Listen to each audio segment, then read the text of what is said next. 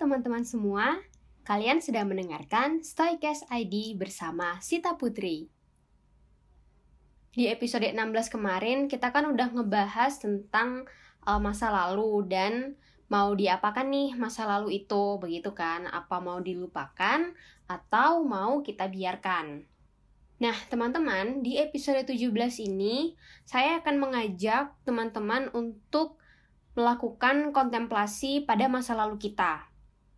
Nah, kontemplasi ini berkaitan dengan bagaimana sih kita berlatih stoicisme sejauh ini dan ada tantangan apa aja nih ketika kita berlatih stoicisme, kemudian ada perubahan apa yang kita alami selama kita berlatih stoicisme ini. Intinya, di episode 17 ini kita akan sharing tentang sudah ada perubahan apa saja sih selama kita berlatih stoicisme ini, seperti itu. Oke, kalau gitu kita langsung aja yuk masuk ke pembahasan utama di episode 17 kali ini.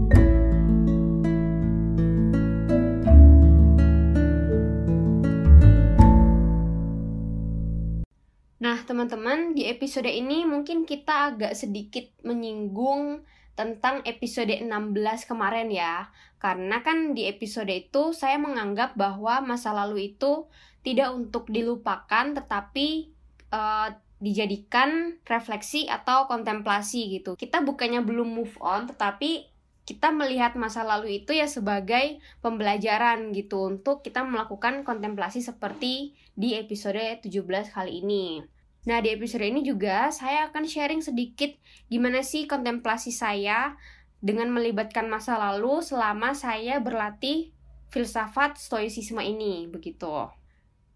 Nah, teman-teman, keputusan saya untuk berlatih stoicisme ini adalah hal yang bisa dibilang itu hal baik gitu karena berlatih stoicisme ini kan kita memiliki tujuan dan niat yang baik untuk diri kita kayak gitu dan terutama uh, membuat diri kita tuh menjadi lebih baik dari sebelumnya gitu dan juga mungkin uh, teman-teman yang lain punya tujuan untuk biar nggak khawatir berlebihan dan juga cemas berlebihan gitu terhadap uh, masa yang akan datang ataupun uh, masa kini dan masa lalu kita gitu. Nah, ketika kita memiliki niat untuk berubah menjadi lebih baik, kita akan melakukan upaya untuk uh, mencapai tujuan itu. Dan disadari atau enggak sebenarnya lingkungan kita lingkungan di sekitar kita dan juga termasuk orang-orang di dalamnya nih. Jadi nggak cuma lingkungan tetapi orang-orang di sekitar kita. Itu akan membantu proses tersebut secara nggak langsung. Maksudnya gimana? Jadi yang saya alami adalah uh, saya itu ketemu dengan orang-orang yang sepemikiran gitu ya sama-sama sedang berlatih stoicisme atau sama-sama yang mereka juga ternyata baca buku filosofi teras atau buku-buku tentang filsafat stoicisme yang lain gitu. Nah di situ merasa seperti wah saya nggak sendirian ternyata nggak cuma saya nih yang berlatih stoicisme saya jadi bisa punya temen untuk sharing nih sharing bareng terkait berlatih stoicisme ini begitu. Dan bisa jadi hal ini adalah salah satu cara bagaimana prinsip selaras dengan alam dalam stoicisme ini tuh terjadi gitu. Itu yang saya uh, alami dan yang saya yakini gitu setelah saya melakukan kontemplasi ini. Dan perlu dicatat juga teman-teman kalau uh, hal ini tuh berbeda dengan prinsip dari law of attraction. Karena kan kalau law of attraction itu kita berpikir bahwa alam yang akan mengikuti apa keinginan kita kayak gitu kan. Tetapi kalau dari stoicisme ini yang saya alami, saya berselaras dengan alam. Nah, nanti alam juga yang akan membantu untuk menunjukkan ketika saya tuh memiliki niat yang baik itu gitu. Jadi ketika saya berusaha untuk berlakukan latihan stoicisme seperti amor fati, saya menerima masa lalu saya, kemudian saya juga mencintai takdir saya. Nah, hal itu tuh akan didekatkan dengan orang-orang yang pemikiran yang sama, kayak gitu. Nah, ketika saya perlahan-lahan mulai mengenal, kemudian saya mempelajari dan menerapkan stoicisme ini dengan berlatih apa yang ada di stoicisme seperti dikotomi kendali, kemudian premeditatio malorum hingga amor fati, saya merasa ada begitu banyak uh, tantangan yang saya temui gitu. Nah, saya menyebut tantangan ini tuh sebagai latihan, di mana latihan ini yang saya maksud dengan dukungan yang diberikan dari lingkungan atau alam semesta itu ke kita. Nah, untuk beberapa orang uh, dan saya juga, kalau misalnya saya belum menerapkan atau berlatih stoicisme ini, saya akan menganggap ini sebagai krisis atau masalah gitu ya. Tapi seiring berjalannya waktu, seiring saya uh, rajin dan rutin berlatih stoicisme ini, saya sudah melihat masalah atau krisis ini sebagai sebuah latihan atau tantangan yang harus saya lalui. Jadi bukan sebagai suatu masalah atau krisis lagi. Jadi ketika saya misalnya bertemu suatu masalah, saya mengalami suatu masalah, entah itu masalah di pekerjaan saya atau masalah dengan lingkungan sekitar saya, misal pertemanan atau hubungan relasi dengan orang-orang terdekat. Nah, hal ini akan saya lihat sebagai sebuah tantangan nih gimana saya harus melaluinya dengan menggunakan prinsip-prinsip dari stoicisme ini.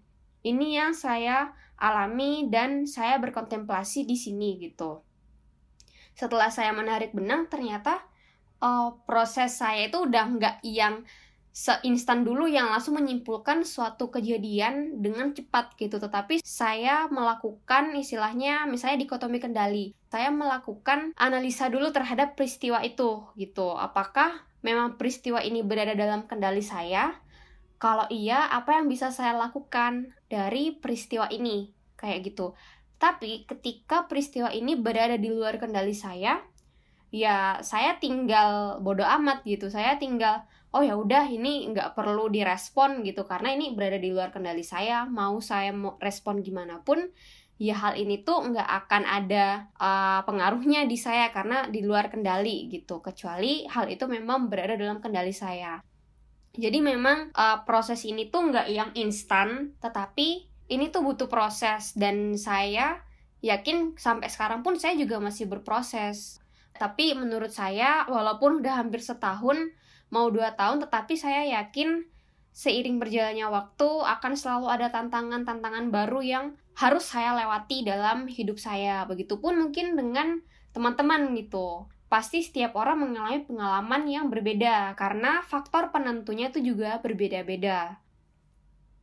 Kemudian kita juga perlu catatan bahwa cara kita memandang krisis dalam hidup kan dapat berpengaruh terhadap cara kita menghadapi krisis itu gitu. Jadi ketika saya mulai mengalami perubahan dalam memandang krisis dalam hidup saya, nah ternyata hal ini tuh berpengaruh kepada cara saya menghadapi krisis ini gitu. Contohnya seperti dulu saya mungkin lebih apa ya, lebih impulsif, lebih buru-buru, pengen cepat menyelesaikan suatu masalah atau krisis gitu tanpa menganalisa terlebih dahulu. Nah, sebagai seorang yang berlatih stoicisme, Ketika menghadapi krisis, saya menganggap hal ini sebagai tempat saya berlatih apa yang selama ini sudah saya pelajari gitu. Karena percuma kalau saya mempelajari stoicisme tetapi saya tidak mempraktekannya ketika saya menghadapi krisis gitu. Prosesnya memang nggak mudah ya teman-teman yang saya rasakan dan mungkin teman-teman juga merasakan hal itu gitu. Karena ya prosesnya penuh dengan lika-liku dan saya juga mengalami uh, kesulitan di awal-awal saya uh, menerapkan stoicisme. Lalu terakhir, apa sih makna yang saya dapatkan selama berlatih stoicisme dalam kurun waktu sekitar uh, satu tahun ini gitu. Jadi yang pertama bahwa saya sadari segala proses untuk menjadi lebih baik dari hari ke hari itu penuh banyak tantangan, pengorbanan dan juga kesulitan gitu saya nggak tiba-tiba langsung proses instan gitu, enggak. Tetapi ya saya mengalami banyak tantangan juga dan pengorbanan. Kemudian tidak sedikit juga saya mengalami kesulitan ketika berlatih stoicisme ini gitu. Apalagi kan saya juga sempat mengalami depresi dan juga kecemasan. Kemudian yang kedua, apakah tujuan saya itu sudah tercapai? sebenarnya tujuan dari saya mempelajari stoicisme ini tuh ya biar lebih tenang, biar lebih calm aja dan mengurangi kecemasan-kecemasan saya gitu. Biar saya juga enggak yang overthinking atau kemudian saya juga uh, mengalami apa ya gampang baper istilahnya kayak gitu. Apakah sudah saya mencapai tujuan itu? Uh, mungkin sejauh ini hampir ya. Tetapi saya nggak tahu nih kapan saya memang benar-benar uh, mencapai tujuan itu. Karena ya saya menikmati segala proses yang saya alami ketika saya berlatih dan menerapkan stoicisme ini gitu. Kemudian saya juga menyadari bahwa semakin saya berlatih stoicisme, keinginan-keinginan yang saya miliki yang bersifat sementara gitu ya, kayak bersifat material itu tuh mulai berkurang gitu. Dulu tuh pengen banget, tapi sekarang mulai berkurang gitu. Ya sebenarnya siapa sih yang nggak pengen gitu kan? Cuma ketika saya menyadari, oh saya hidup dengan cukup dalam artian saya tidak kekurangan apa pun itu pun sudah saya sudah bersyukur gitu di situ. Nah di situlah yang saya uh, maknai gitu. Selama saya berlatih stoicisme. Dan juga satu lagi adalah saya merasa saya lebih dekat dengan Tuhan ketika saya berlatih stoicisme ini gitu. Mungkin ada beberapa yang kontroversi ya, kayak dulu yang bilang nanti jadi ateis, nanti jadi ini. Tapi menurut saya belajar stoicisme membantu saya untuk lebih dekat dengan Tuhan gitu. Karena apa yang saya pelajari dalam agama saya itu ternyata juga ada gitu sesuai dengan stoicisme gitu. Nah, di sinilah uh, makna yang saya dapatkan gitu.